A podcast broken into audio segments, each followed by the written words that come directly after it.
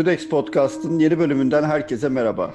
Ben Baran, Mert'le birlikte bu hafta yeni bir konuyu ele alacağız. Ee, nasılsın Mert?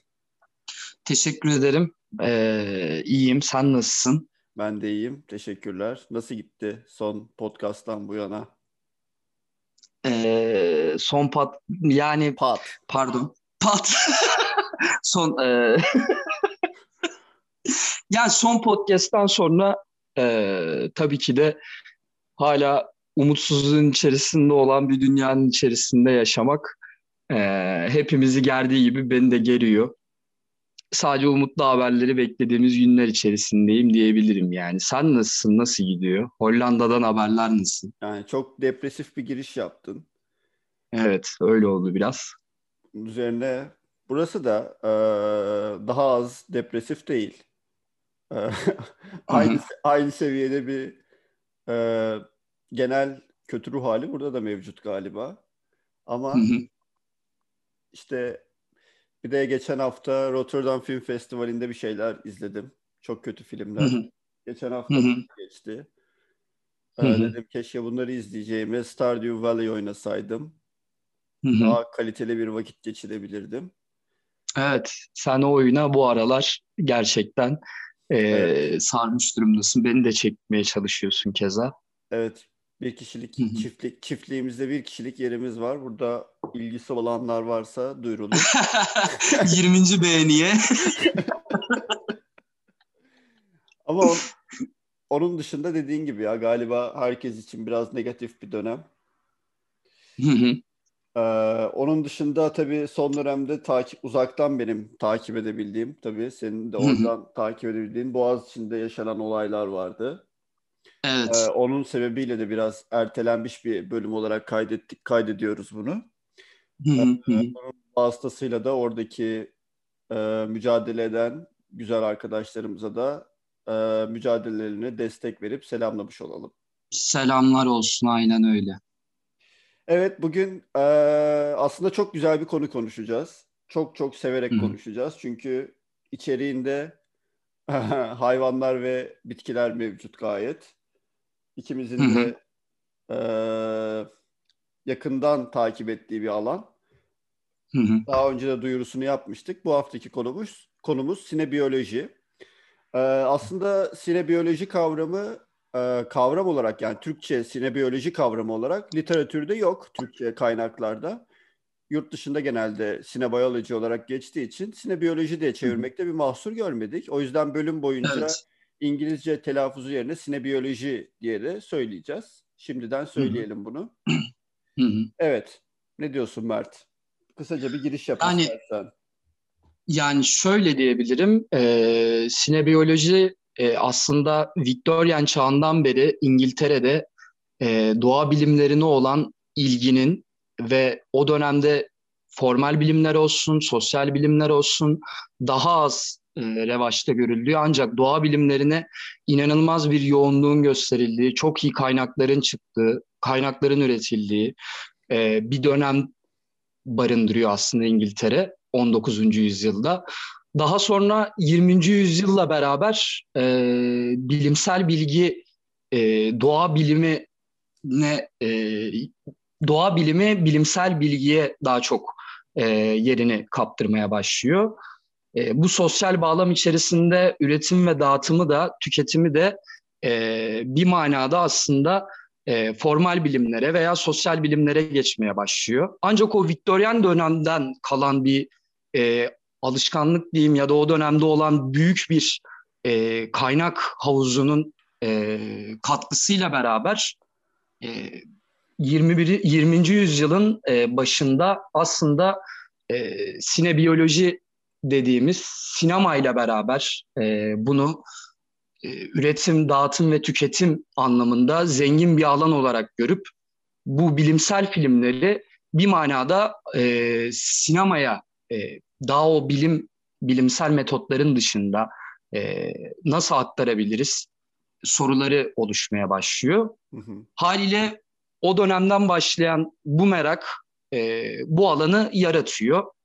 Daha sonra senin de işte bahsedeceğini e, tahmin ettiğim gibi e, Percy Smith, e, Mary Fields gibi e, birkaç yönetmenin e, bu film serisini e, daha da çoğaltarak halkın içerisinde bir kültür yaratarak aslında bu filmlerle yerleşik bir hale gelmesine e, neden oluyor o kültürün içerisinde. Hı hı. E, tabii bunun biz öncüllerinden başlayalım dedik seninle yayın öncesinde tabii. de konuştuğumuzda. Hı hı. Öncülleri de çünkü çok önemli. Evet. E, ya zaten... Birinci Dünya Savaşı'ndan öncesine bakacak olursak hı.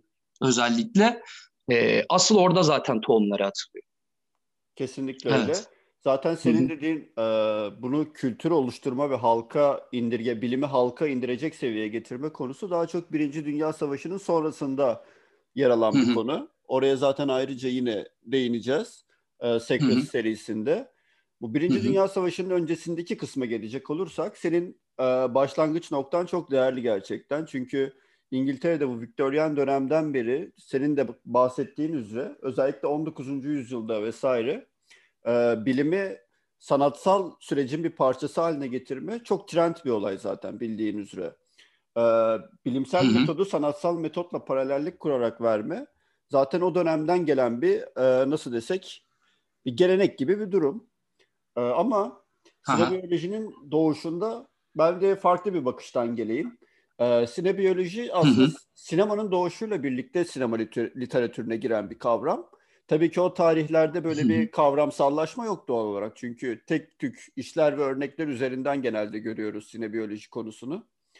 Özellikle 1880'de Etienne Jules, Etienne Jules Mare'nin e, bir sineğin konma hareketini incelediği işi işte Maskunyası ile Birinci Dünya Savaşı arasında olan periyotta erken dönem işler mevcut.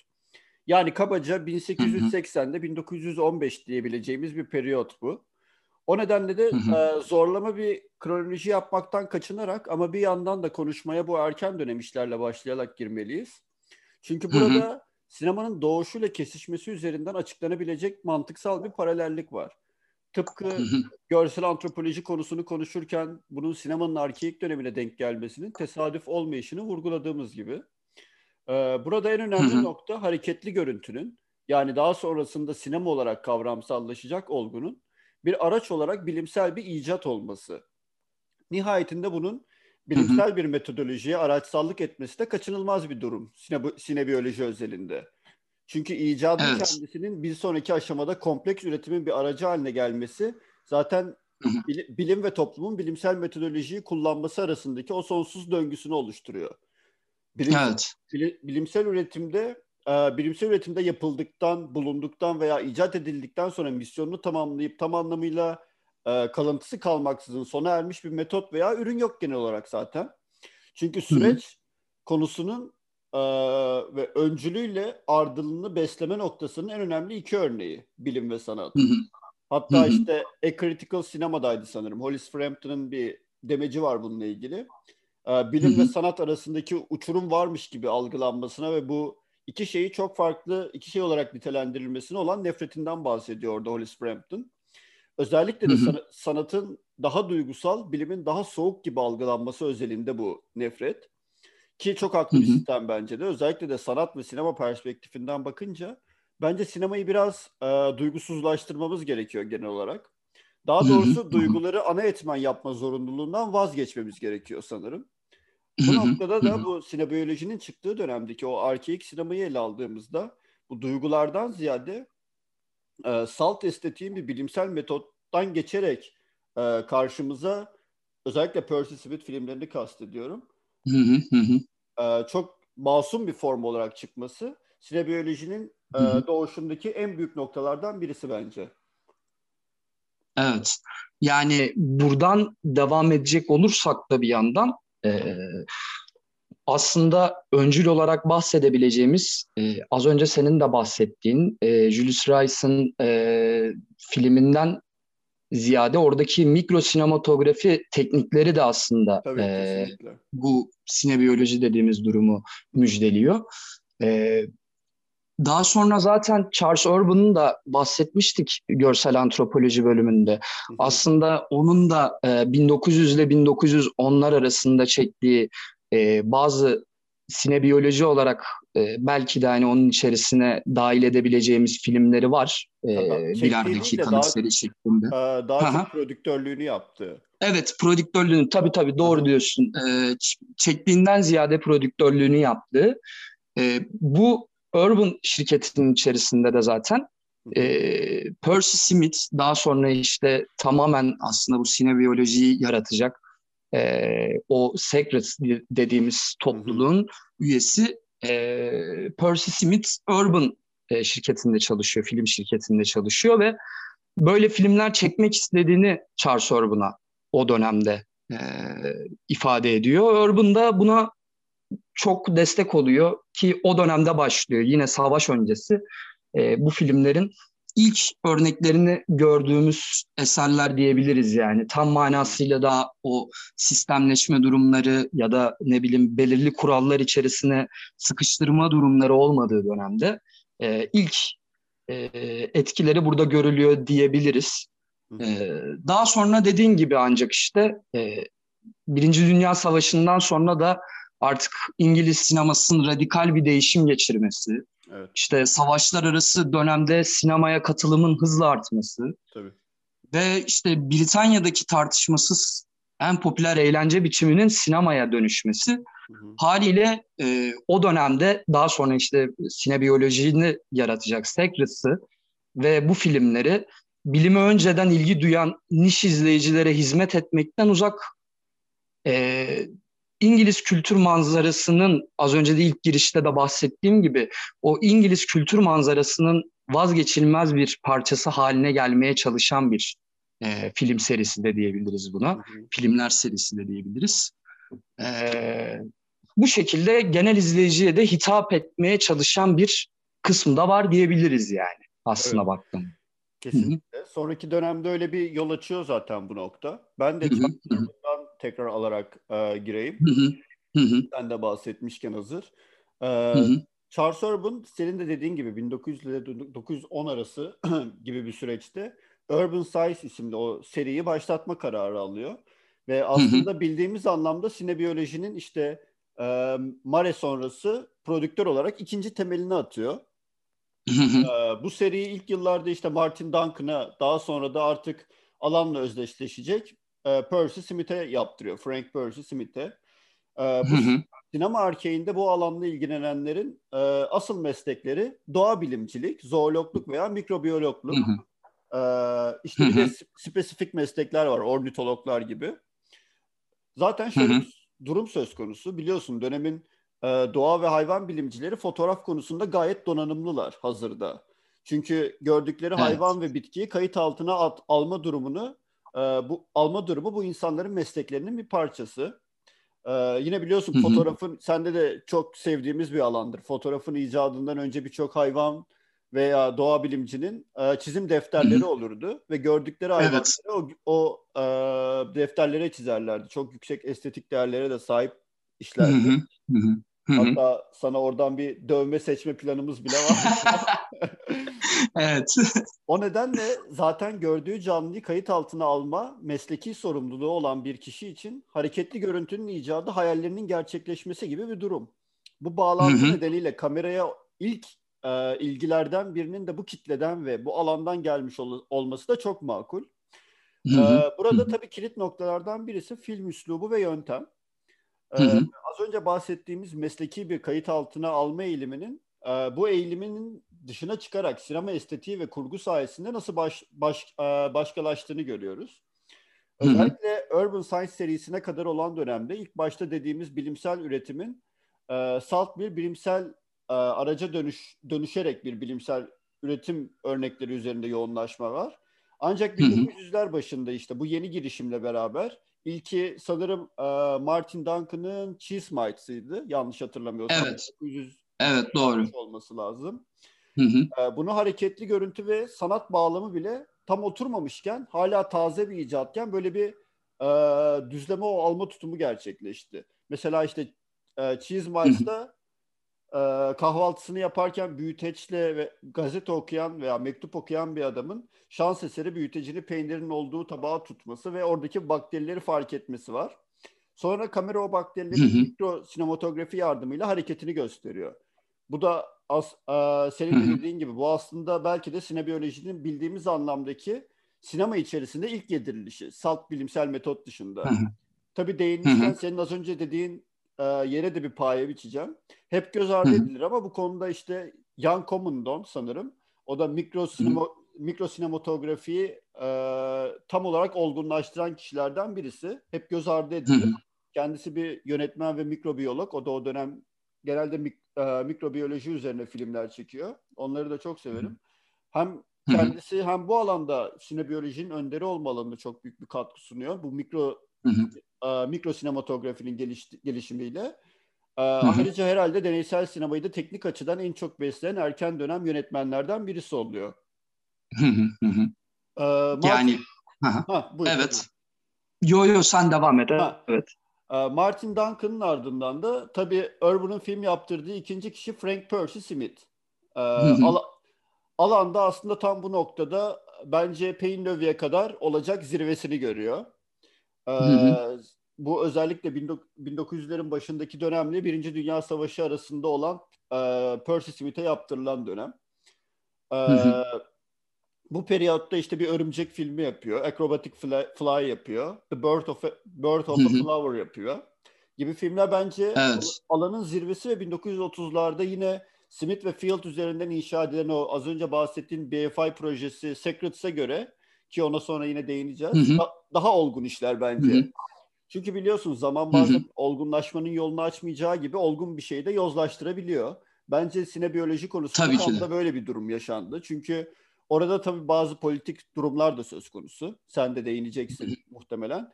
Demek istediğim bazen e, amatörlük ve saflık olgunluğun biçimsel yansıması olabiliyor. O yüzden işte bazen sanattaki bu suni demlenme takıntısına karşı çıkmak gerekiyor. Ya biraz evet. alakasız gibi ama bir şeyler bazen yo, yo, yo. Bir şeyler bazen mükemmel ortaya çıkar. Sinebiyoloji de bence o tarz bir şey. Zaman onun aleyhine işler. Yani demlenmeye her zaman pozitif pay vermekten vazgeçmek gerek bence o yüzden. Bu sinebiyoloji bunun en net örneklerinden birisi. Mükemmel ortaya çıkıp sonrasında yozlaşan bir konu. Konunun biraz dışına çıktım farkındayım ama yine mesela Yo çok yine mesela Ön... Frampton, evet. Frampton işte mesela yine video formatının ardından Hı. yaptıkları o senle de konuşmuştuk. Sinema ölüyor mu manifestosunda konuşurken Lumier'lerin sözünü tekrar edip bunun geleceği olmayan bir icat olduğunu vurguluyor. Ya burada Hı-hı. olay öngörü falan değil yani. Breakage ve Faruki konusunda da değindiğimiz işte göz algının masumiyetinin yitimi. Bu nedenle bazen e, zamanı geriden okumak ve bazı arkeik sinema örneklerinin bu göz masumiyeti ve deneysel algı üzerinden inşa ettiği biçimselliğin hakkını vermek gerekiyor. Ee, Bir şeylerin doğuşu, bir şeylerin varoluşu hakkında temel soruyu ve faydayı sorgulamayı da beraberinde getirdiği için e, bu konu daha da önem kazanıyor. Bu ister bir sanatsal araca dönüş, dönüşen bilimsel bir icadın doğuşu olsun, ister işte Percy Smith'in 1910'daki o bir şeyin doğuşu olsun. İşte Percy Smith'in bu filmi özelinde özellikle bu filme değinmişken çok çok önemli bir yer kaplıyor sinebiyoloji için. Çünkü o zamana kadar yapılan işler genellikle hareketin bir anının kaydıydı. Yani daha evet. çok gözlemin anlık bir kaydıydı. Gözlem konusu çok önemli çünkü gözlemin hayati bir öne, öneme sahip olduğu biyologluk mesleğinden birinin gözlemin hayati bir öneme sahip olduğu sinemacılığa iz düşümü bu durum. Yani iki gözlem gözlemin e, mükemmel olması gereken iki meslekten bahsediyoruz ve bunların paralelliğinden. Yani aslında sinebiyoloji en azından o döneme kadar kamera merceğini mikroskop merceği olarak kullanma eğilimi kısaca. Evet, tabii, evet. Tabii, tabii bunu sanat içine yedirince mikroskop kamera bütünlüğünden çıkan şey sinematik bir stil, bilimsel bir yöntem sonucu oluyor. Böyle bir matematiğe oturuyor. Smith'i de farklı kılan sinematik stili. The Birth of a Flower'da işte farklı yerde olduğunu söylerken kastettiğim de buydu. Percy Smith hem kusursuz, kusursuz bir saf estetik seviyesine çıkardı bu olayı hem de bu film Hı-hı. özelinde çiçeğin doğuşu ve gelişimi üzerinden an sinemasından süreç sinemasına evrildi. Ve gözlemselliğe çok boyutlu bir hal ekledi bunu yaparak.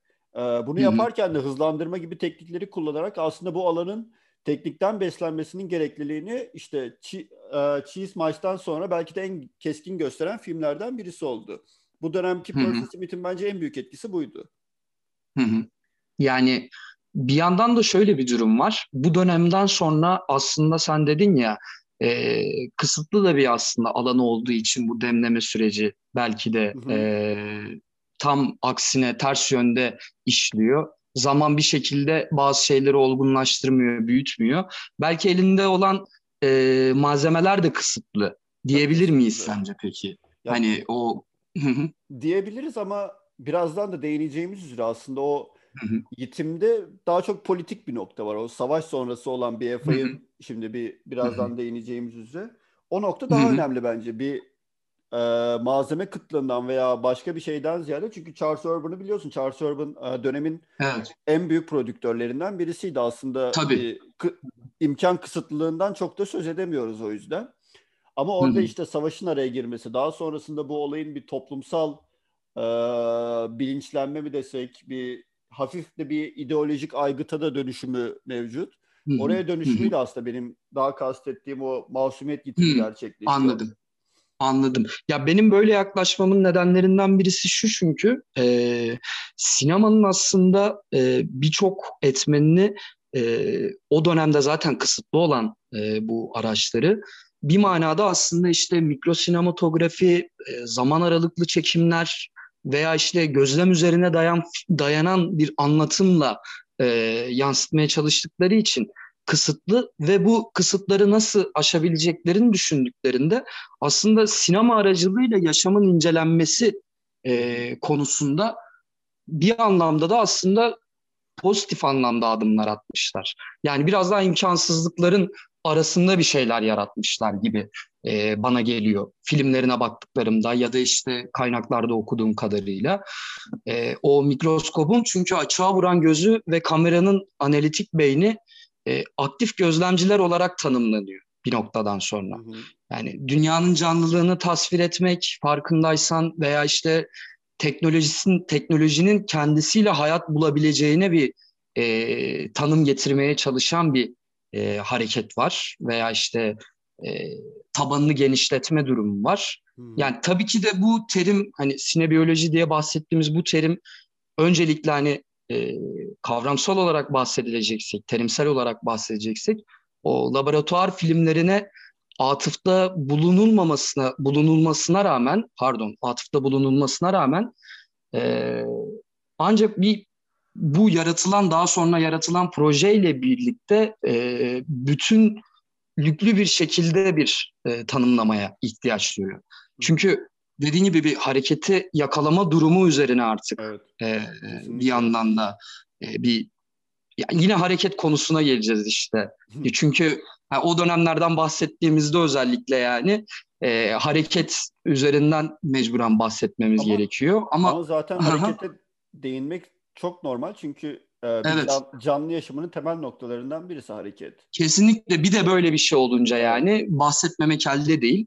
Yani bu hareketi yakalamak veya işte manipüle etmek e, sinema biyolojisinden kritik özelliklerinden de mesela baktığınızda. Hı hı. Ben, yani ben hı hı. tabii Percy Smith'in e, sen tamamladın mı bu arada söyleyeceğini? Ben şeyden bahsedecektim. Tabii, Sadece benim tartıştığım ben. noktalardan birisinde e, bahsedecektim. Senin düşünceni merak ettiğim için aslında. Az önceki e, sorunla da hani bir yandan birleşik olarak e, bu laboratuvar temelli deneylerle birleştirilen bu genel bir biyoloji kurma arzusuna uyan o e, morfolojik yapı yerine aslında doğal hareketleri ve süreçleri zorunlu olarak ön plana çıkarıyor ya baktığımızda evet. filmlere. Ancak tartışmalı da bir nokta yaratıyor sanki orada. Çünkü formdan çok içeriye de öncelik verme gibi bir durum var. Yani daha sonra işte bu işin içerisine katılan e, sesler işte Bence tam sesli tersi. sinemayla beraber. Bence içerikten Biliyorsun. çok forma, forma önem verme durumu var. Yani bu peki hani ben şunu diyecektim. Bu için e, sen dedin ya hani bu demlenme işte bazen yaramıyor vesaire az öncekine atıfta bulunarak. E, aslında hani bu işin içine ses eklendikçe, işin içine işte müzik eklendikçe, bambaşka şeyler eklendikçe içeriye e, öncelik verme durumu formu bir e, kaybetme noktasına getiriyor. Yani o form üzerine düşünceleri aslında kaybetme noktasına getiriyor.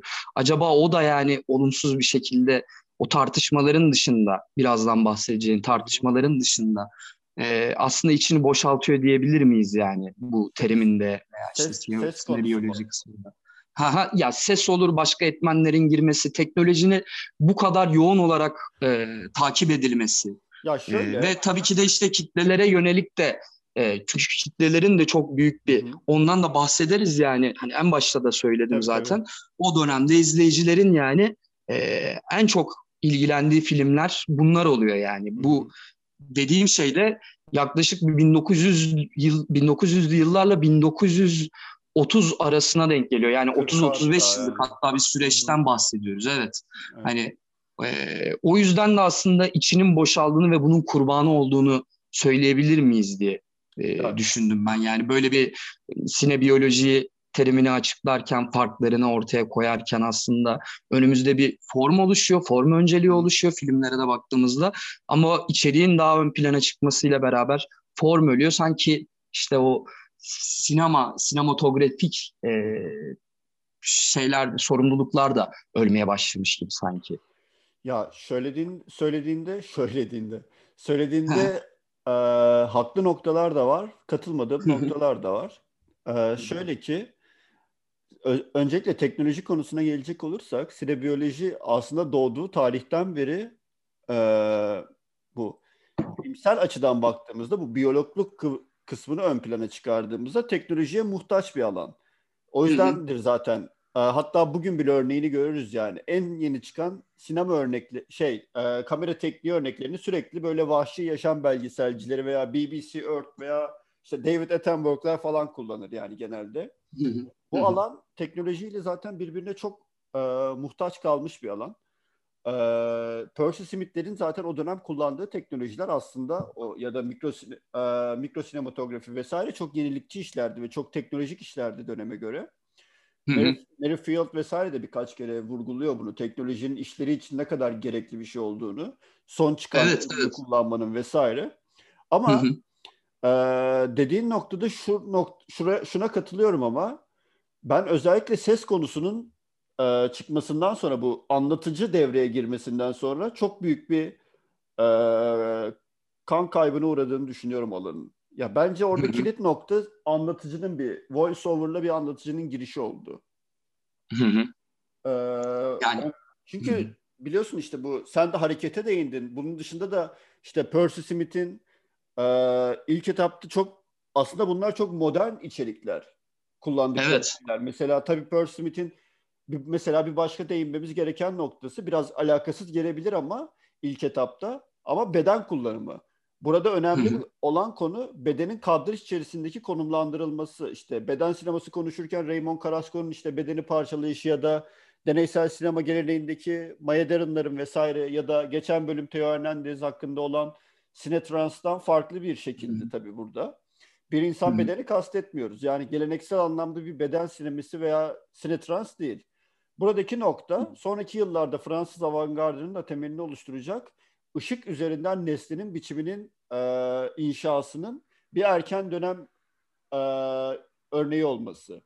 Smith bir çiçeği veya hayvanı işlerken formu kus, kusursuzlaştırma çabasında sürekli. Bunun için de teknolojiye çok ihtiyaç duyuyor. Ve bunu biyolog merakıyla ve malzemesine duyduğu hayranlığı yansıtarak yapıyor. Teknik açıdan da e, şüphesiz en büyük yardımcısı o dönemde ışık. Çünkü biliyorsun bu ilk dönem sinebiyoloji örnekleri neredeyse tamamı laboratuvar veya benzeri bir atölye ortamında yapılıyor. Yani işte bir ahtapotu alıp da denizde vesaire okyanusta çekmiyorlar.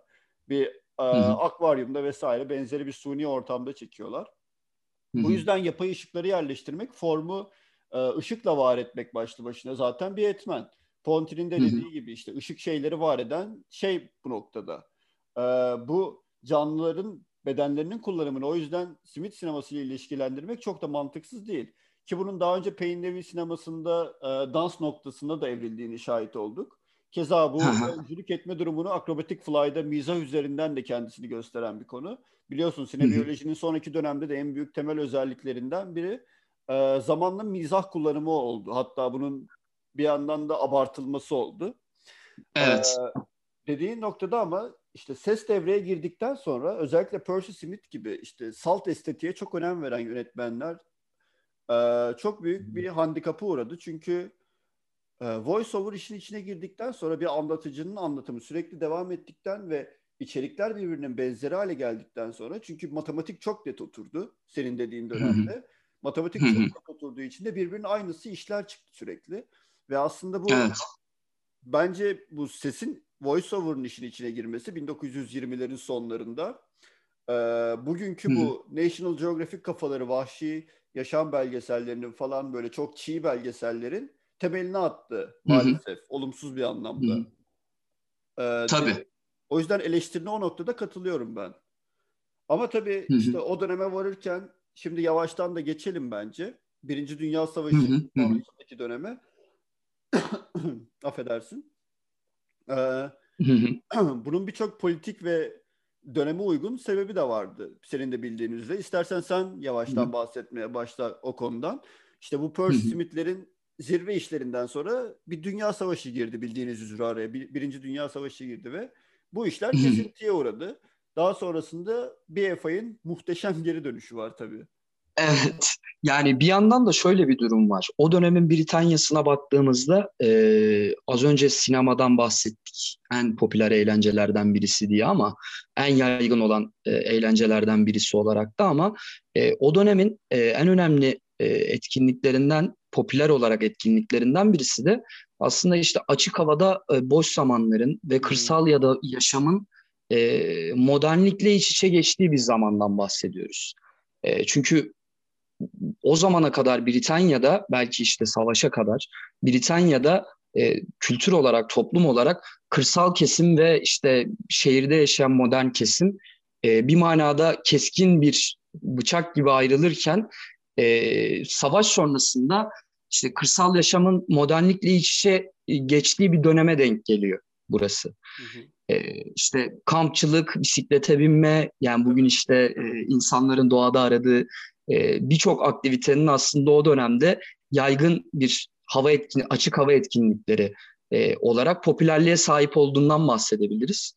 Ve haliyle e, işte sinebiyolojiyi daha sonra bu şeyi kuran e, Secrets dediğimiz BFI'nin e, projesi olarak gördüğümüz bu e, Secrets grubundaki yönetmenlerin de e, kültürel ürünlerden kültürel ürünlerden bu akımdan e, yararlanarak aslında doğal tarihi yeni ve modern bir şıklıkla yeniden şekillendirmeye çalıştığını görebiliyoruz. Aslında o şekilde yaklaştıklarını görebiliyoruz. Mesela 1930'lardan kalma birkaç ornitolojik e, Sacred filmleri de mesela bunu doğruluyor gibi. Evet. Çünkü e, Special Messengers filmi vardır mesela. Hayır, güvercinlerin evet. oldu. Aha. Aha. E, sen de çok sevdiğin filmlerden birisidir tabir ediyorum. Hiç konuşmadık ama. çok severim. Evet. E, kentsel alanlarda yaşayan güvercinlerin üremesine e, yaşamına bir nebze. Yani onları direkt şehir hayatının içerisinde e, konumlandırmaya çalışıp ve onu görmeye çalışıyor. Bir yandan işte e, daha sonraki yıllarda Urban Visitors diye işte bir siyah ha, başlı evet. martıların İngiltere'nin kuzey kıyılarından işte Londra rıhtımlarına göçünü takip etmesi var. Ama burada mesela seste ilginç bir şey kullanıyor. Benim de hani e, böyle bir manada o döneme göre e, şey gördüm böyle. Hmm, kendilerince galiba böyle yenilikçi bir şey yapmışlar gibi ama hani bence kötü olarak buldum. işte arka tarafa trafiğin gürültüsünü, Londra ziyaretçilerin tis notalarını böyle çok keskin bir şekilde koymaları, o sesi daha da arttırmaları vesaire. Tabii böyle ilgi çekici bir kent kent ekolojisi e, yaratmaya çalıştığını e, hissettiriyor. E, tabii işte bu kuş e, kuşlar üzerinden daha çok işte ornitoloji üzerinden zaten hani bu şehir hayatının içerisine girmeye çalışıyor bir manada. Özellikle Pike'ın çok filmleri var öyle. Charles, evet, evet, Charles evet. Pike mıydı? Belki yanlış söylüyorumdur. ben de ben de tam hatırlayamadım ama evet e, öyle bir durum var. Çünkü bir yandan da hani büyük bir şehir modelinin bir parçası olarak da tanımlıyorlar. Aslında bu az önce saydığımız martıları, şehir güvercinlerini vesaire. E, o yüzden hani Sence, bunları... E, peki Hı-hı. bir soruyla gireceğim direkt. E, sence insanların aşina olduğu hayvanları e, filme alma fikri temelinde şey barındırıyor? Yani ne bileyim mesela e, İngiltere'de yaşayan birine işte komodo ejderi yerine o şehirdeki bir kuşu anlatma nasıl bir farklılık sağlıyor sence? Ya şöyle e, güvercinler işte e, sadece kuşla değil işte yengeçler, salyangozlar, baykuşlar veya mantarlar hani şu anda e, filmlerini böyle son bir haftadır yoğun olarak izlediğim için bu e, yönetmenlerin aklıma gelen ilk şeyler diyeyim daha doğrusu bunlar. Ama bunlar hani şehrin içerisinde e, izlediğimiz filmlerindeki o hayvanlardan bahsediyorum veya bitkilerden bahsediyorum, canlılardan. E, yani çoğunlukla sanki o dönemde yaşayan şehirli insanlara, şehirli izleyicilere işte bu türleri tasvir ediyorlar. E, hayal ettikleri aslında değil de e, işte gerçekteki o her gün gördükleri e, türleri tasvir ediyorlar. Ama çok şaşırtıcı ve alışılmadık şekilde de yapmaya çalışıyorlar bir yandan. Öyle de bir durum var.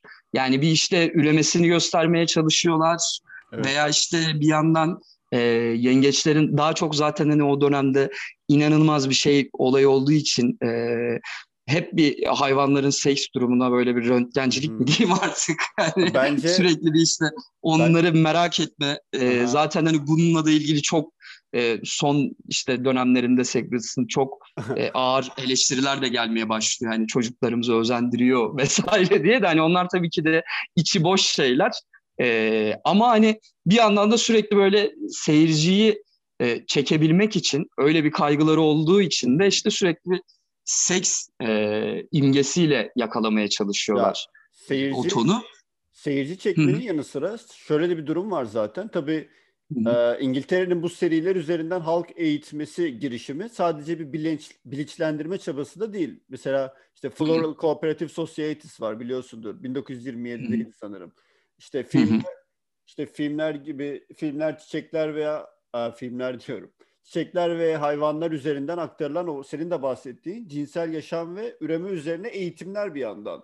Tabii bir ileriki yıllarda insanlar üzerinden de cinsel eğitim e, vermesine kadar olan süreçte bunlar bir geçiş evresiydi. BFI çünkü evet. biliyorsun o iki savaş arası dönemde halkın e, öyle bir krizden çıktıktan sonra, savaştan çıktıktan sonra halkın kültürel anlamda ayakta Hı-hı. kalması için böyle çoğu alanda aslında sadece e, sinebiyoloji alanında değil birçok alanda Hı-hı. farklı eğitimler başlattı. E, üremeye sürekli vurgu aslında bu e, savaşta nüfus yoğunluğun düş, nüfus sayısının düşmesinden dolayı cinsel e, üreme teşviki arttırma aslında bir yandan. Hı hı. Ki böyle de bir durum var. E, üremeye sürekli vurgu bu ve savaş öncesi dönemde e, üreme bazlı sinebiyoloji örnekleri yok denecek kadar az savaştan önce. Şeyi de ekleyebiliriz değil mi bu arada? Hani e, bir yandan da işte antropomorfozim bir durum var. Yani o tabii, işte tabii. insani niteliklerin başka varlıklara işte tabii, bir tabii, atfedilme kesinlikle. çalışılması. Aha, yani senin bu... de bahsettiğin gibi işte mizah ve drama kesinlikle. dayanan bir yapısı da o yüzden var sürekli. Ya, ee, tabii ve bu kur, e, kur yapma üzerinden mi, e, mizahi hatta bazen kaba bir dile sahip. Bu konuda Hı-hı. en çok başvurulan nokta sinebiyolojinin temel kavramlarından da olan senin de dediğin gibi antropo, antropomorfizm. E, Hom- Homeros'tan ve işte Yunan mitolojisi tanrıların insanlaştırılmasından gelen bu kavram işte. Ee, burada hı hı. hayvanlar üzerinden sıklıkla karşımıza çıkıyor. Özellikle evet. kur yapma gibi konularda antropomorfizm kullanarak izleyicinin cinsellik üzerinden bir özdeşlik kurması sağlanıyor. Bunu Hı-hı. Payne Levy'nin işte ünlü Ahtapot'un Aşk Hayatı filminde de görüyoruz mesela. Çok sık başlayan evet. bir yöntem sin- sinebiyoloji içerisinde. Hatta Hı-hı. bir hayvanın gözünden e, film çekme gibi girişimler de ilk kez o dönemde deneniyor. Bir böceğin gözünden de sanırım. Hı-hı. Bu antropomorfizm e, dediğim gibi ya cinsellik üzerinden özdeşleşme kurulması için bir araç değeri taşıyor ya da mizahın hı hı. dizaynı üzerinden kullanılıyor. Sonuçta e, hayvanların insan hareketleri etrafından yeniden temsil üretimi çok eski bir mizah geleneğine de sahip bir fenomen biliyorsun yani. İşte evet. tiyatrodan da gelen bir şey, birçok alandan gelen bir durum. Ama bu üremeyi ve cinselliği teşvik edip nüfus arttırma politikası yaratma durumu e, bazen öjenik söylemler doğurabilecek kadar ileri gidiyor. O dönemki sav- iki savaş arası dönemi biliyorsun çok fazla işte liderlerden de işlerden de propaganda işlerinden de çok fazla öjenik söylemler üretil, üretilen bir dönem. Ki hedef kitlelerden birinin de çocuklar olduğu ve ilkokuldan üniversitelere kadar gösterilen bir seriden bahsediyoruz. Ama tabii bunun yanında hayvan ve bitki dünyasına ilgi, merak ve empati arttırdığı da bir gerçek. Bu handikaplarının yanında. ee, evet. Aha. Yani bir yandan bu durum var, bir yandan da ben mesela sana şöyle bir şey sormak isterim bir yandan da. Ee, dedik yani işte bir yandan o kırsalla e, moderni iç içe geçirmeye çalışıyor. Bir yandan da işte daha evcilleştirilmiş, daha yerel, kırsal bir vizyon sunmaya çalışıyorlar. Hı hı.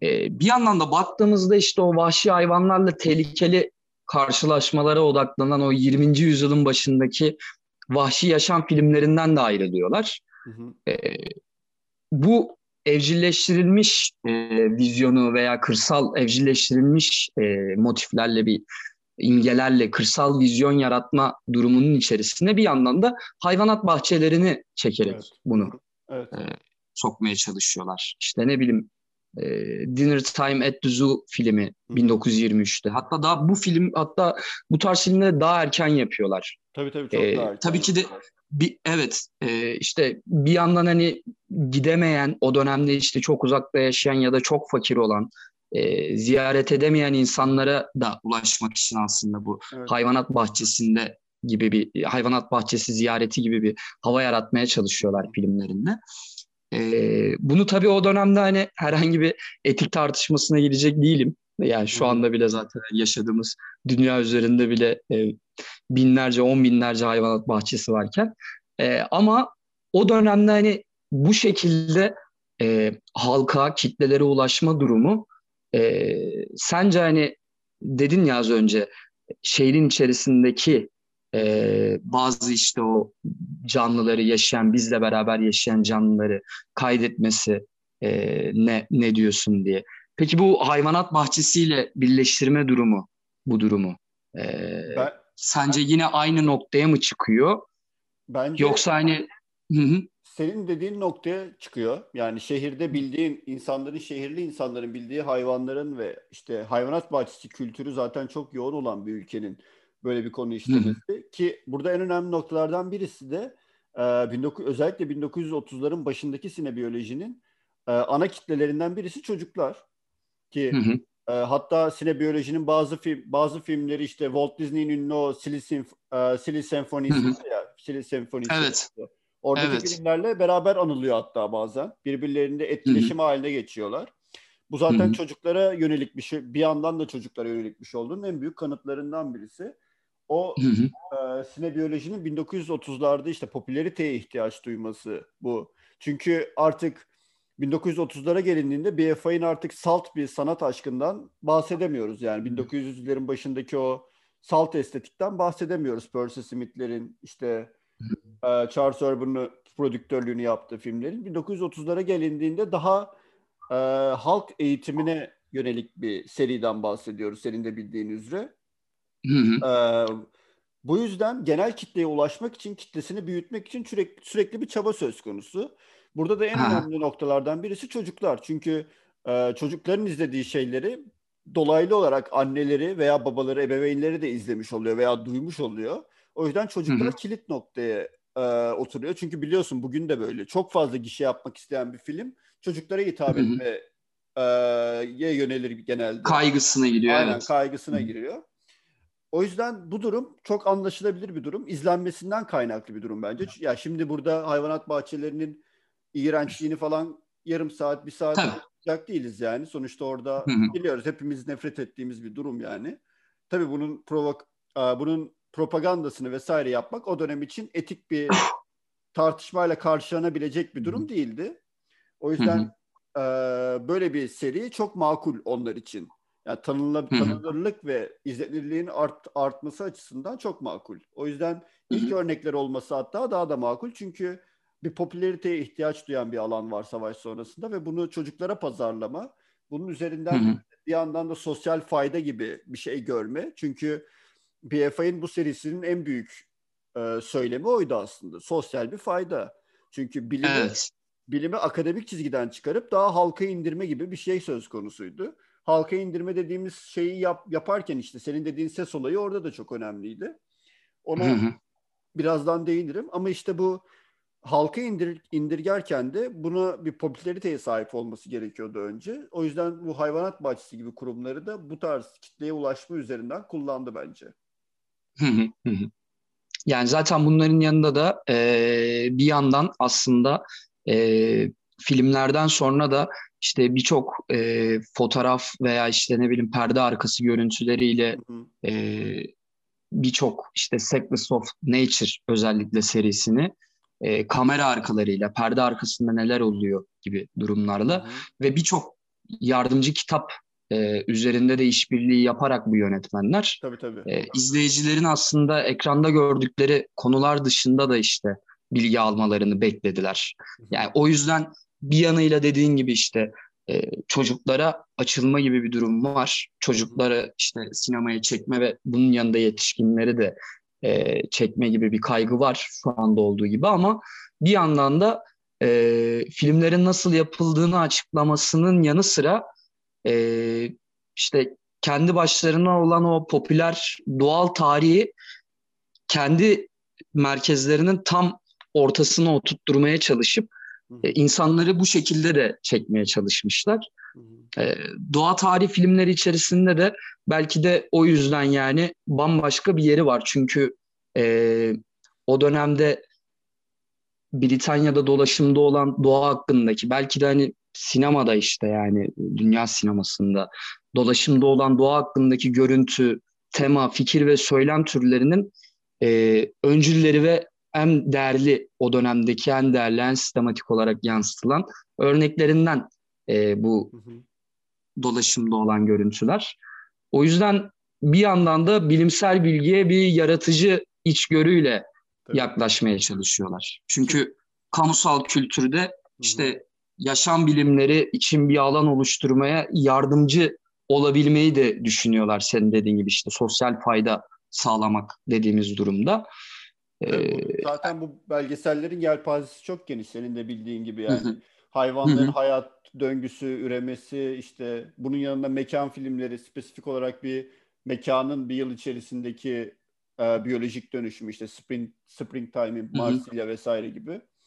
E, bunun dışında bu filmleri o dediğin açıdan eğitim açısından ele alacak olursak e, bu belgeselleri ilk zaten sahip çıkan kişiler elit tabaka oluyor daha çok. Çünkü bir toplum eğitme güdüsü söz konusu olduğundan bu zümre de zaten eğitilmiş ve diğerlerini destekleyen bir konum açıyor kendine. Ki biliyorsun çok hı hı. klasik bir burjuva şeyidir, bu yönelimidir. Bunu bir evet. kültür ihracatı olarak da ele alma, ele alma durumu oluyor. Hem de işte savaş karşı savaş sonrası kültürel çöküntüyü önlemek ve bilgi yüceltme eğilimi mevcut. Çünkü bunlar e, biliyorsun bir de şöyle bir durum var. Bu filmler e, bilim insanlarının tepkisine rağmen bir yandan da devam ediyor. Çünkü bilim insanları bunu bilimi ucuzlaştırmak olarak görüyor ki bence evet. şu an olsa yine aynı tartışmalar olacak bir şey. Çok çok e, klişe bir tartışma. Çünkü 19. yüzyılda işte bilimin sanatsal içerikte ikincil temsili daha yaygın ve sanatsal metot daha da bu işin içerisindeyken bu metotlar arası geçiş ve araçsallık üretimi 20. yüzyılda biraz sekteye uğruyor. Savaşın da etkisiyle tabii. Ee, bu savaş sonrası BFI girişiminde de temel motivasyon o yüzden bilimsel bilgi üretim sürecini iletişim araçları vasıtasıyla akademik olmayan bir dil etrafından yeniden üretmek. Tabii bir kendi disiplinini yaratma kaygısı da tabii, var tabii. diyebiliriz değil mi? Çünkü hani Kesinlikle. hani şimdi bahsedeceğiz hani ses konusunda sen daha iyi bahsedersin Hı-hı. diye düşünüyorum. Yok. Ee, ses konusunda da işte uygulamalar ve işte yöntemlerle bir kendi disiplinini ta- tamamlamaya çalışan bir kaygı da var aslında. E, uzmanlığa odaklanmasına rağmen de bir yandan hani bir uzmanlığa da odaklanıyor. O yüzden tartışma Tabii ya, bir konusu uzman, haline geliyor. Uzmanlığa Aha. odaklanıyor ama tüm bu motivasyonların yanında toplumsal Hı-hı. bir bilimsel sürece aktif katılım hedefleniyor. Bu özellikle de bence doğal. Evet kapsayıcı bir kavram olması gerekiyor bunun Kesinlikle, içinde yani. Çünkü... Kendi disiplinini yaratması lazım. Aha, çünkü Aha. dediğin gibi kapsamı çok geniş ve insanların bu bilgileri kavramaya olan ilgisi diğer bilgi şey bilim alanlarına göre nispeten daha yüksek. Hayvanlara Hı-hı. veya canlılara ve ayrıca insanlar tarihleri boyunca biliyorsun bu süreci yönetme ve savaşma eğiliminde olduğu için bu doğa doğa sürecini yani bu konuya Hı-hı. dair gözlem ve söyleyecek sözleri var. Sen şu anda bir e, kuş belgeseli vesaire yapacak olsan bir sokaktan geçen İstanbul'dan bir adamı çevirsen bir fikri vardır bu konuyla ilgili. Çünkü Hı-hı. buna dair bir gözlemi ve e, söylemi var. İşte amatör ve bireysel hayvan ilgisinden tut da o az önce bahsettiğim ülkemizdeki kuşçuluk gibi mesela. Sen Adana'da büyüdün daha iyi bilirsin yani. Kuşçuluk olayını insanların kafayı yaktığı bir konu yani. Tabii tabii tabii namus olarak gördüğü bir kodu. Hatta yani ondan, ilginç bir biçimde. Evet yani anlam veremiyorsun işte mesela. Ama ondan tut da ekoloji gibi işte akademik ve kompleks bir alana kadar çok büyük bir kapsal kapsayıcılığı var bu sinebiyoloji konusunun. İnsanların o yüzden sahip çıkması da çok normal. Çok geniş kitlelere hedef alması ve bunun karşılığını görmesi. Yani bile işte biraz güncel bir örnek olacak. Şimdi öyle değil herhalde. Şimdi artık spor kanalları ama eskiden bir kıraathaneye falan gittiğinde kahvehaneye böyle saçma sapan bir belgesel oynardı sürekli. Evet. Bir hayvan belgeseli yani ortak bir payda çünkü herkes için.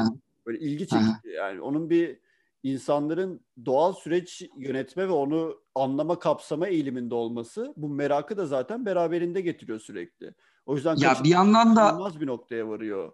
Aha, bir yandan da bir ara kültür yaratma e, çabası var ya sürekli. Yani evet. Kamusal söylemde işte bir etkileri var veya işte e, görüntüler üzerinde zaten uzmanlığa odaklanan bir konu seçmişler vesaire derken bir ara kültür de oluşturmaya çalışıyorlar. Kendi kendine oluşuyor. Çünkü işte e, bunu izleyen kitle veya işte hayvanat bahçeleri, müzelerin ortaya çıkışı, işte kitlesel bir izleyici kitlesinde aslında bir senin de şu anda bahsettiğin gibi o amatör doğa tarihine karşı bir ara kültür oluşturma misyonunu da o dönemde aslında e, yapmak zorunda kalıyorlar gibi bir durum oluyor. Çünkü e, film üretiyorlar o dönemde ve bu filmleri üretiyorlar ve insanlar onların e, vizyonundan bunları görüyor.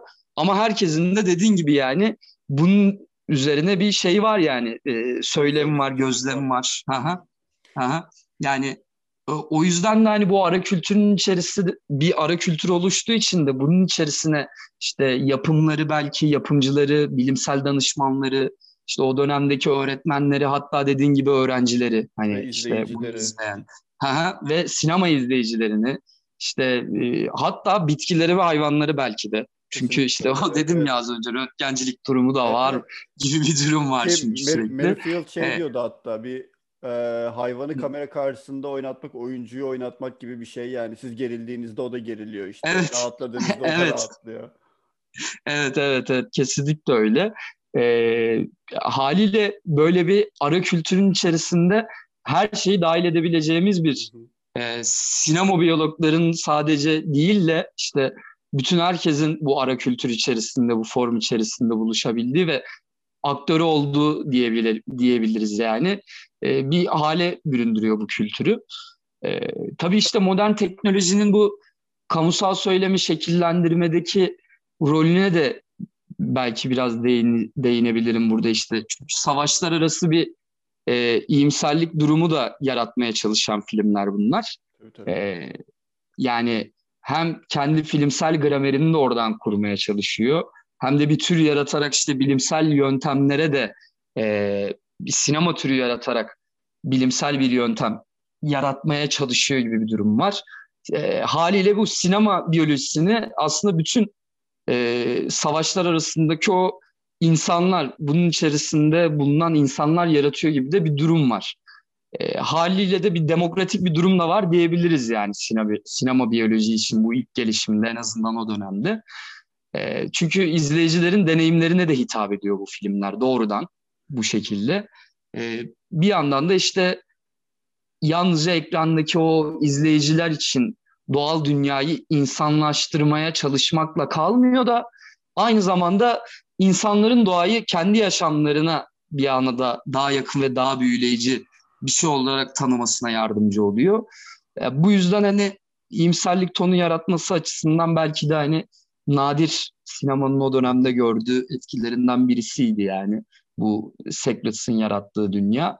E, ara kültürü yaratırken de işte birçok e, kendi disiplinlerini yaratmak için öge buldular. İşte görüntüler üzerinde oynadılar. Hı hı. Fikirler ve söylemlerini ona göre şekillendirdiler. Ee, bunlardan en, en önemli şeylerden birisi de ses. Az önce girişini yaptık. Evet. Ee, bu işin içerisine belki de bizi mutsuz eden noktalardan, etmenlerden birisi olarak ses girdi.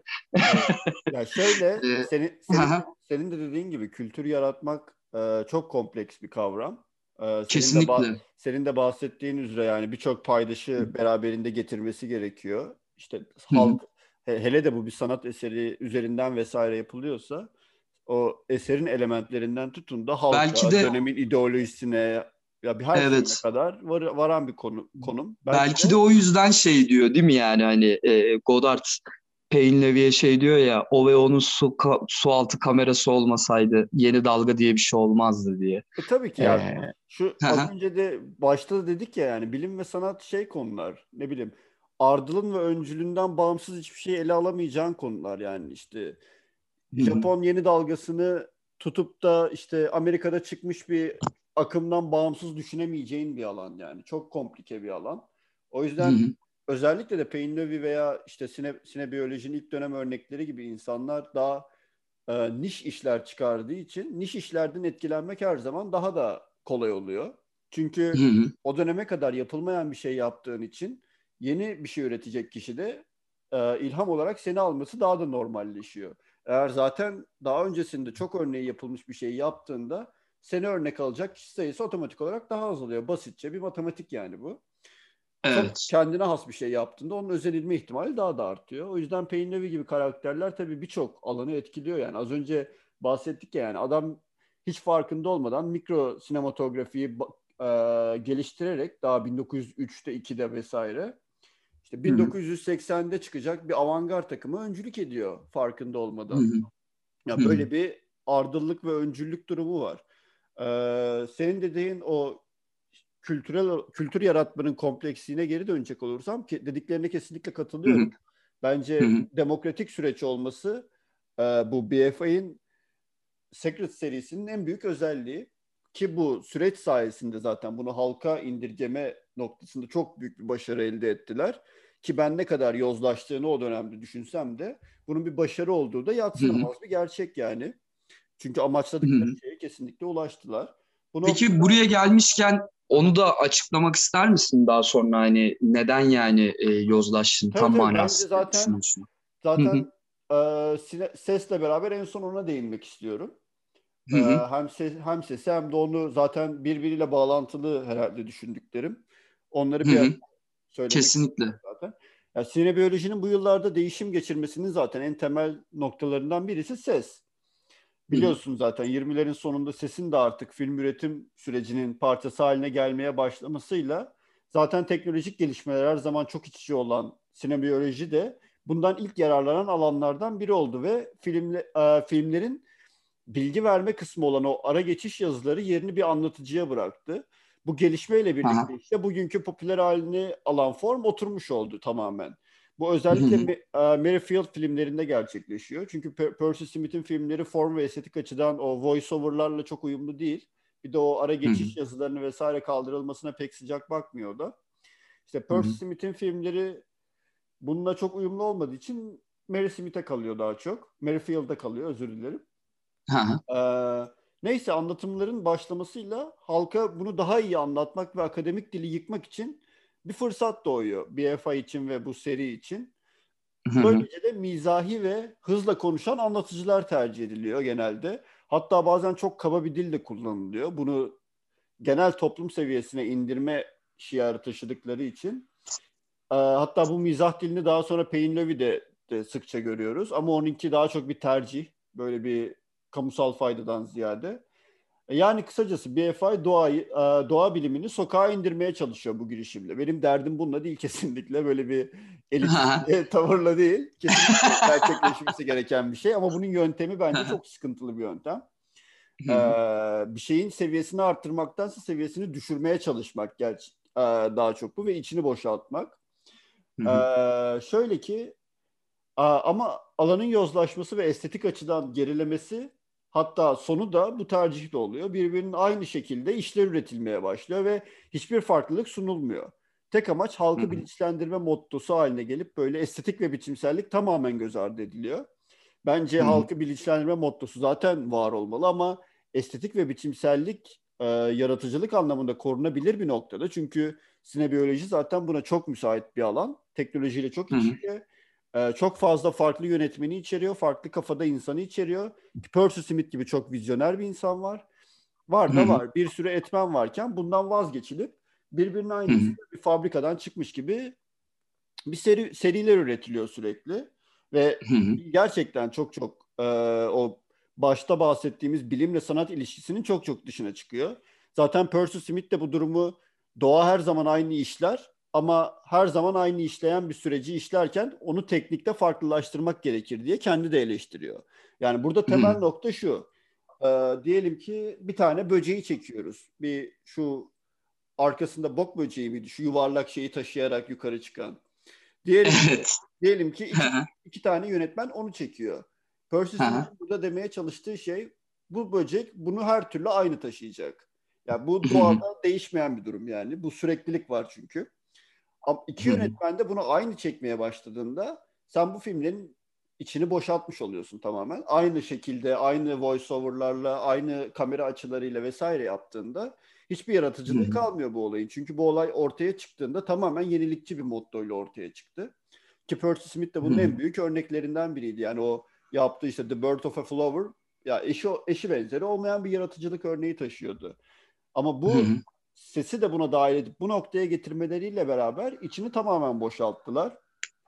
ee, ama eğitim anlamındaki bence en başarılı noktası bu filmleri kırsalla şehrin böyle senin de dediğin gibi çok iç içe olduğu noktalarda yapması. O sosyal aktivitelerin kırsalı kapsadığı bir döneme denk getirmesi.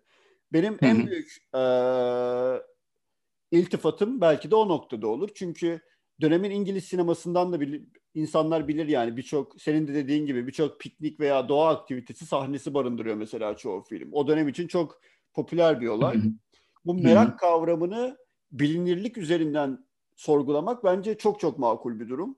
Çünkü evet. ya en azından kendim için söyleyeyim yani. Bence sürekli gördüğüm bir şeyin iç dünyasında du- duyulan merak e, hiç görmediğin veya görmeye ihtimalin olmayan bir şeye duyulacak meraktan daha yüce. En azından benim için.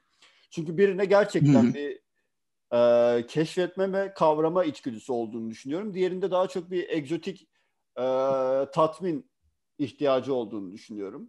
Bu aslan Hı-hı. belgeselleri vesaire ülkemizde böyle çok tutmasının sebeplerinden birisi. Ama bence Hı-hı. işte ne bileyim Ankara bilmem ne keçisinin belgeseli daha çekici. Özellikle de Ankara'da yaşasam. Çünkü sürekli karşımda olan, gördüğüm, temas halinde olduğum bir şeyin iç dünyasına hitap eden bir durum var. İngiliz. İngiliz bu BFA'nin yaptığı en önemli nokta bu bence. Olumlu anlamda yaptığı. Olumsuz anlamda yaptığı da o dediğim e, bu belgesellerin ciddi anlamda tamamen içini boşaltma e, ve birbirinin ne ardılı ne öncülü bir şekilde hiçbir şekilde etkilemeyen birbirinin sadece kopyası olabilecek işlerle e, alanı tek düzeleştirmesi ve tamamen eğitim kampına çevirmesi. Evet. Çünkü ha Hı hı. Evet ha, evet evet. Ha, bunun dışında da en son ekleyeceğim şey özellikle işte 30'ların ortasında filmler içerik olarak daha kompleks hale geliyor mesela. Bu da bir ikinci iltifat hı noktası olabilir belki. Burada doğanın dengesi hı teması ortaya çıkıyor. Bugün de bu e, canlıların bu etkileşimli halleri, hallerinin yansıtılmasıyla beraber işte doğayı korumalıyız, ekolojiye sahip çıkmalıyız gibi didaktik bir noktaya da kayış başlıyor. Bugünkü o doğa belgesellerinde de olan. Çünkü bu doğanın dengesi teması sadece hayvan gösterilen ya da sadece bir bitkiyi gösterilen filmlerden ziyade farklı türlerin birbiriyle etkileşimini gösteren bir hal alıyor ve bu ekoloji ve denge olayı çok çok önemli bir noktaya geliyor. Hı hı, hı. Ya tabii en son olarak da şunu söyleyeyim ben bu konuyla ilgili şey yapmayı kapatayım. BFI konusunda. Evet. Tabii buna bir... Ben de oradan alacağım çünkü şeye geçeceğim tamam. yani Fransa'ya geçeceğim tamam. bir yandan. Tamam seni bekletmiyorum. Tabii buna bir diğer son olarak bakmam gereken noktada işte bu başta bahsettiğim bilim sanat ayrımı noktası. Bu seriyle birlikte sanatsal metot sınırının laboratuvar eksenli bilimsel metot kapsamından çıkıp sosyal alan içerisinde geçiş söz konusu. Dolayısıyla da sanatı laboratuvardan e, ve dahi bilimden çıkarınca da maalesef bu ikisinin birbirinden kopuk olduğu algısı doğuyor. Bu yüzden Secret evet. serisi bu algıyı yaratan bir handikapa sahip oldu uzun süreçte sinebiyoloji alanında. E, tabii savaş Hı-hı. sonrası ideolojiye ve izleyiciye fazla odaklanıldığından da bu tarz handikaplar çoğaldı sinebiyoloji için. Yine de tabii birçok hevesli amatöre de ilham verdi ama bu tarz handikaplar da barındırıyordu diyerek sözü sana vereyim konuyu kapatarak. Evet bir yandan da Britanya'da böyle e, gelişmeler yaşanırken İkinci Dünya Savaşı'na kadar. E, bir yandan da Fransa'da evet değil mi şu anda? Bir yandan da Fransa'da e, dönemin e, dadaist düşünceleri ve sürrealist estetik saldırganlığına ilgisiyle öne çıkan bir doğa film yapımcısı da e, ününü o dönemde e, kendini söz ettirmeye başladı çektiği filmlerle. E, Jean Paulnevi tabii, tabii. E, bu yani zaten hani o dönemin hem e, sinebiyoloji dediğimiz işte o kavramı da ters yüz eden bir manada e, bir yandan da işte o dönemdeki Fransız entelijasyonunun içerisinde de e, bu fikre daha sıcak bakan, odaklanan, diğer sanatçılarla bunu paylaşan sürekli. Ta hani Méliès'lere kadar dayanıyor keza tabii, zaten tabii. arkadaşlığı. Méliès'lerden tut da Antonin Artaud'a kadar vesaire çok evet. bir çevre. Evet evet evet ki son dönemlerinde e, pardon son dönemleri demeyeyim e, daha sonra hani kendi filmlerini bir manada daha da farklı bir yöne evriltirken işte e, Franju'ya kadar, Franju ile beraber evet, bir senaryo evet. yazıyor yanlış hatırlamıyorsam. Doğru, Aha, doğru. 49 ya da 50'de. E, o filmlere kadar yani sürekli kendini geliştiren, e, bu manada artık hani sinebiyolojinin Britanya'da artık e, pek tat vermediği günlerde e, kendisi artık sinebiyolojiyi bambaşka bir estetikle algılamaya başlayan ve e, bunun üzerine de işte e, başka ilmiyeler yaratmaya çalışan e, bir sanatçıdan bahsediyoruz. Hı hı. E, o dönemle de alakalı olan bir durum var tabii işte Fransa'sına işte bakacak olursak. E, Fransa'da keza hani e, iki dünya savaşı arasında bir dönem yaşamıştır. Ama Painlevi'yi tabii ki de e, Britanya'da yaşanan bu sinebiyolojiden ya da BFI'nin işte projesinden ayıran noktası hep bağımsız olması ve bir yandan da işte estetik saldırganlığını hayat içerisinde de e, var eden bir paralelliği olması yani yaratıcılığa saldırgan bir biçimde e, sürekli sarılması onu bambaşka yönetmenlerden birisi olarak anmamızı ve şu anda zaten e, bir konuşma gerçekleştirmemiz gerektiğini yani şu anda zaten şey yapıyor yani en sık şekilde örneğini gösteriyor diyebiliriz. E, sen ne diyorsun Pöy'ün evinin e, bu Fransa'daki 1925'lerde başlıyor aslında Tabii. yaptığı bu filmler. Belki o dönemde işte Britanya'daki e, filmlere gösterilen ilgi kadar çok büyük bir ilgi görmüyor ama Tabii oradaki e, kitlesel bir durumdu çünkü. Devlet evet, evet, evet. Kitlesel bir durumdu. Sen çok Aha. iyi bir noktadan girdin zaten. Bence de Payne Levy'nin e, en önemli noktası bu e, bu formu sürreal veya sürreal veya deneysel gibi adlandırabileceğimiz daha avantgard bir çizgiye oturtmasıydı. O dönemki tabii e, çevresindeki insanların vesaire etkisi var. Hatta işte 1920'lerin sonundaydı galiba. Man Ray'in bir filmi için Deniz Yıldızı falan buluyor. Böyle bir ya farklı farklı yerlerde daha ufak işlerle uğraşıyor aslında. Böyle bir zaten hı hı. bir ya bilim insanı yani Sorbon'dan fizik biyoloji fizik veya biyolojiden mezun bir bilim insanı yani as, aslen. Daha sonra sinemaya yöneliyor ve hatta yine bazı bilim çevreleri tarafından sanatın sinemanın ciddiyetsiz bir şey olarak anılmasıyla birlikte biraz daha dışlanan dışlanan bir pozisyona evriliyor ve daha Fransa'nın Paris'in avantgard topluluklarında e, takılmaya vesaire arkadaşlıklar kurmaya başlıyor. Sinemasında bu avantgard ve daha deneysel çizgi üzerinden inşa ediyor. Bu e, Percy Smith'te bahsettiğimiz beden kullanımı yani ışıkla birlikte şeklin formunun ortaya çıkışının Payne zirve yaptığını görüyoruz. Ama Payne tabii e, sinebiyoloji olarak direkt o statü içerisinde adlandırma, adlandıramıyoruz. Çünkü e, sinebiyoloji daha çok bir dönemsel bir şey ifade ediyor. Ama tarz, tarz olarak, üslup olarak tabii ki bu kategorinin içine girebilecek bir sinema tarzı. O yüzden biraz daha az yer ayırdık. Belki ona daha sonrasında bir bölüm vesaire yaparız. Evet. Evet. Bir ayrı olarak. O yüzden biraz daha kısıtlı bir yer ayırdık bu kez. Çünkü sinebiyoloji temel olarak bir parçası olmadığı için o sürecin. Ee, bu Painlev'in en büyük özelliklerinden birisi zaten 30'ların başında özellikle sualtı canlıları için farklı metotlar geliştirmesi. Bu metot yönetmenliği zaten Painlevy'nin en kilit noktalarından birisi. Bu arada Painlevy'den bahsediyoruz sadece ama işte beraber sonrasında film yaptığı Genevieve Hamun da onun işte partneri, film partneri de çok önemli bir paya sahip burada. Ee, bu avantgard çizgide sinebiyolojiyi buraya taşımak tabii daha sonraki deneysel sinema işlerinde öncüsü haline geldi ve Painlevy bu arkeik sinebiyolojiyle avantgard ve deneysel sinebiyoloji yeni dönemdeki işte bu Ben Rivers'lara kadar gelen sinebiyoloji arasında bir köprü haline getirdi. Bu yüzden evet. çok değerli bir noktada Payne Levy. Bu hı hı. bir de senin bahset o başta da bahsettiğimiz antropomorfizm konusunun da e, sinemadaki en büyük zirvelerinden birini yaşattı. Özellikle e, Ahtapot'un Aşk Hayatı filmiyle birlikte. Evet. Ve bunun dışında da o yine sine trans konusunda da işte e, Ar Archia mıydı? Archia aynen Witches'ta, Witches'ta e, Sinetrans'ın o Maya Derinler'in vesaire geleneğinden gelen e, bu geleneğinde sinebiyoloji içerisine yedirerek farklı avantgard ve deneysel çizgideki şeyleri alıp sinebiyoloji içerisinde yonttu ve e, çok kendine has bir üslup geliştirdi.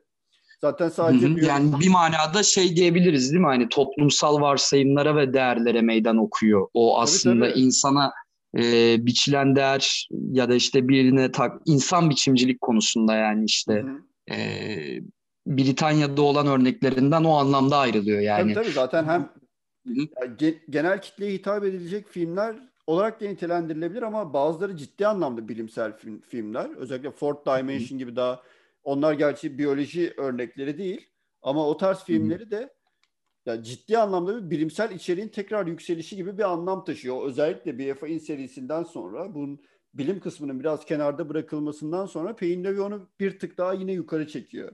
İşte e, Duffin'de ya da işte deniz balerinlerinde de benzer bir durum var. Bilimi o şey ilk baştaki neredeyse 1900'lerin başındaki o saf form derecesine geri kazandırıyor aslında. Bence en önemli nokta bu. Bir yükseliş gibi bir durum var orada. Kesinlikle öyle. Kesinlikle öyle. Yani her şeyin ötesinde politik bir duyguyu bile ifade ettiği filmleri var yani biliyorsun tabii, tabii. işte. Vampir. Ee, kendisi büyük bir Nazi düşmanı olarak işte evet. e, vampir yarasaları çektiği filmde mesela e, direkt işte vampir yarasaların e, e, bir filmi bitirirken işte bir şeyleri oluyormuş. E, o filmde de görünüyor işte kanatlarını kaldırmaları oluyormuş. Bunu işte bir Nazi'nin selamı gibi. selamı gibi evet düşündüğünü de daha sonra zaten e, röportajlarında belirtiyor hep. E, zaten bu o yüzden Payne bu antropomorfizm e, noktasında yaklaşımı çoğu filminde geçerli. Mesela Deniz Atını da cinsiyet rolleri üzerinden bir e, dengeyi emek üzerinden yeniden e, kurma isteğiyle veriyor. Sadece o hayvanı izlemeyi değil, hafiften bir didaktik dille de ondan bir şey öğrenmemizi istiyor çoğu filminde. Ee, bu, ama bu didaktik dil tabii ki o BFA'in serisindeki gibi rahat, çok rahatsız edici, kafana vuran bir dil değil. Daha çok mizahi bir dille ve e, bu özdeşlik kurma üzerinden yine şekillenen bir durum. Hı hı. Ya bir yandan tabii tekniğinden de bahsedebiliriz işte o sinemanın kendi içerisinde yarattığı sinemayı işte bu mikroskobi kısmını tek başına bir girişimden izleyicinin paylaşabileceği bir deneyime dönüştürme e, yeteneği konusunda da sürekli bir heves e, söz konusu. Yani çağdaşlarından da ayrılan noktalarından birisi bence bu oluyor. Çünkü bazı filmlerine baktığımızda Sea Urchins diye bir film var işte 1954'te mesela Deniz Kestaneleri ha, hakkındaki evet. filmi. Hangisi? Aha. Deniz Kestane ha, evet. Sea Urchins. Evet evet. Aha, e, işte mesela baktığımızda büyütme oranlarını o kadar e, devasa boyutlara getiriyor ki o küçük dikenler böyle tapınak sütunlarına dönüşmeye başlıyor adeta ya bir manada. Onu, Çünkü onların hem yuvalarına doğru evet. Onu zaten hem sürecin akılda kalması hem de bütünlük yaratması için de yapıyor bir yandan.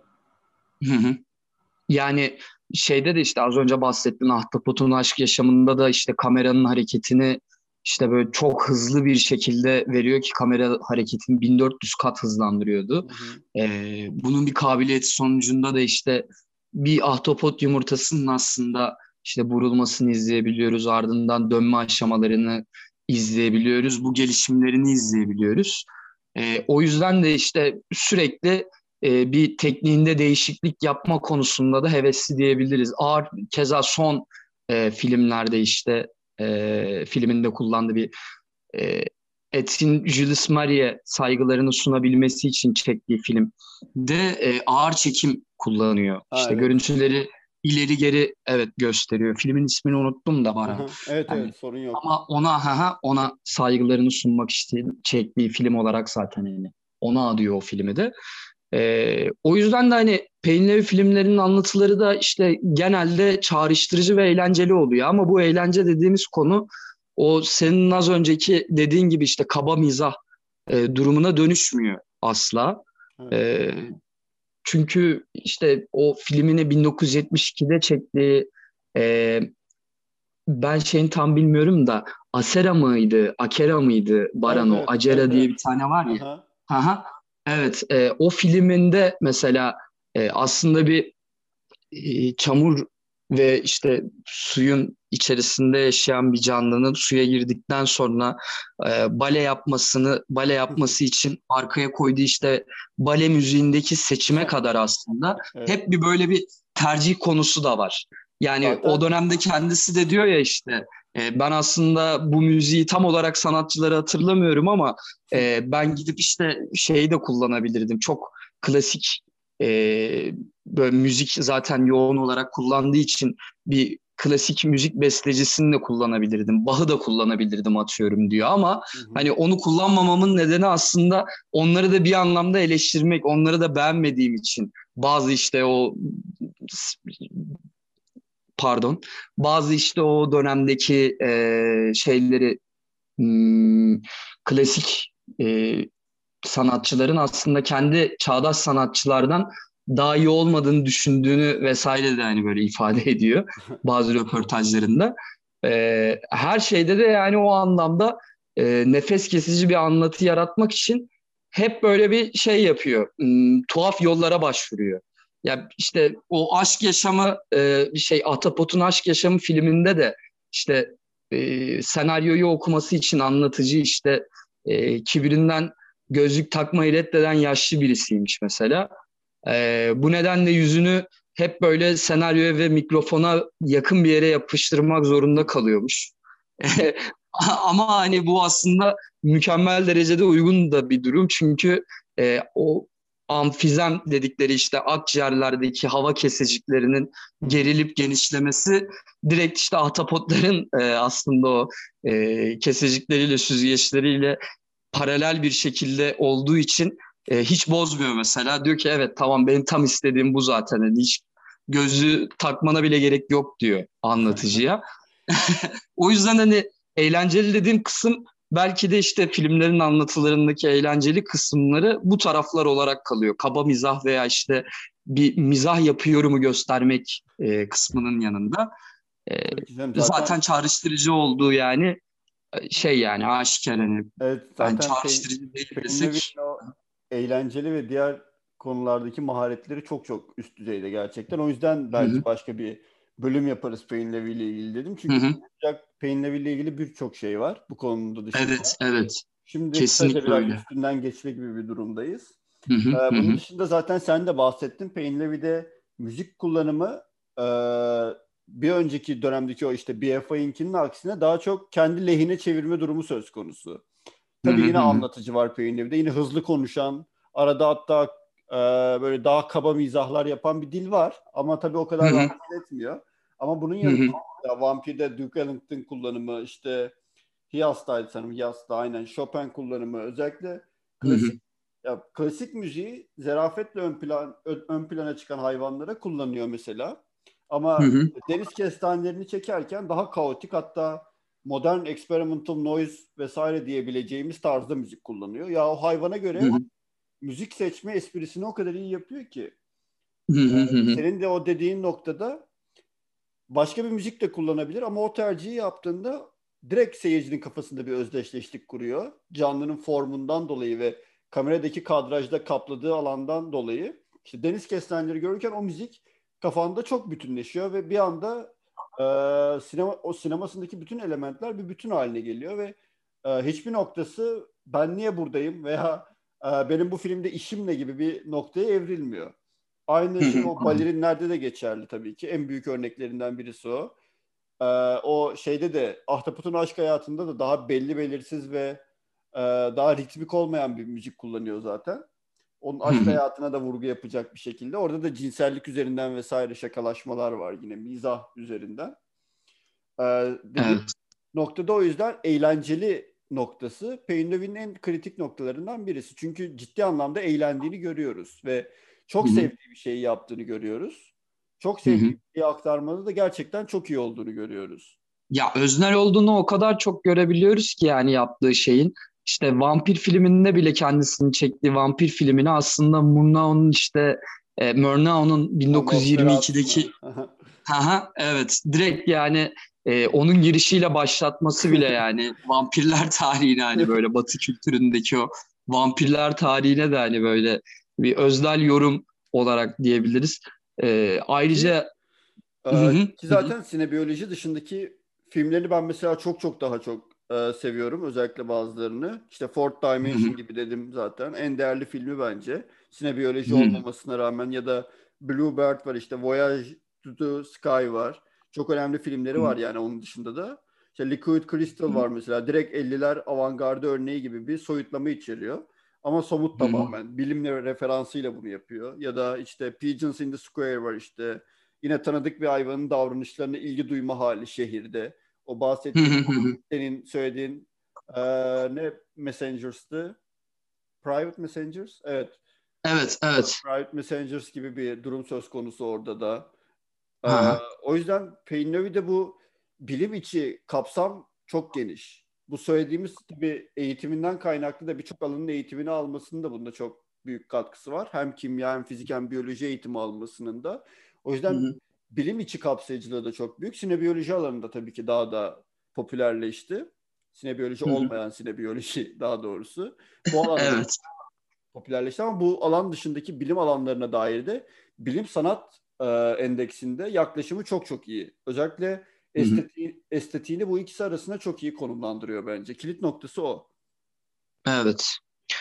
Derken yani e, tabii işte Pönlevi ile ilgili bahsedebileceğimiz çok şey var ama sanki dediğin gibi e, bunu yani ayrı bir bölüm olarak e, tasarlamamız gerekiyor. Ya zaten Çünkü sinebiyoloji dediğimiz alan daha çok o e, 1890'daki o ilk örnekle örneklerle Hı-hı. 1900 40'lara varan o işte BFA'in serisi arasındaki dönemi daha çok kapsayan bir dönem salt olarak.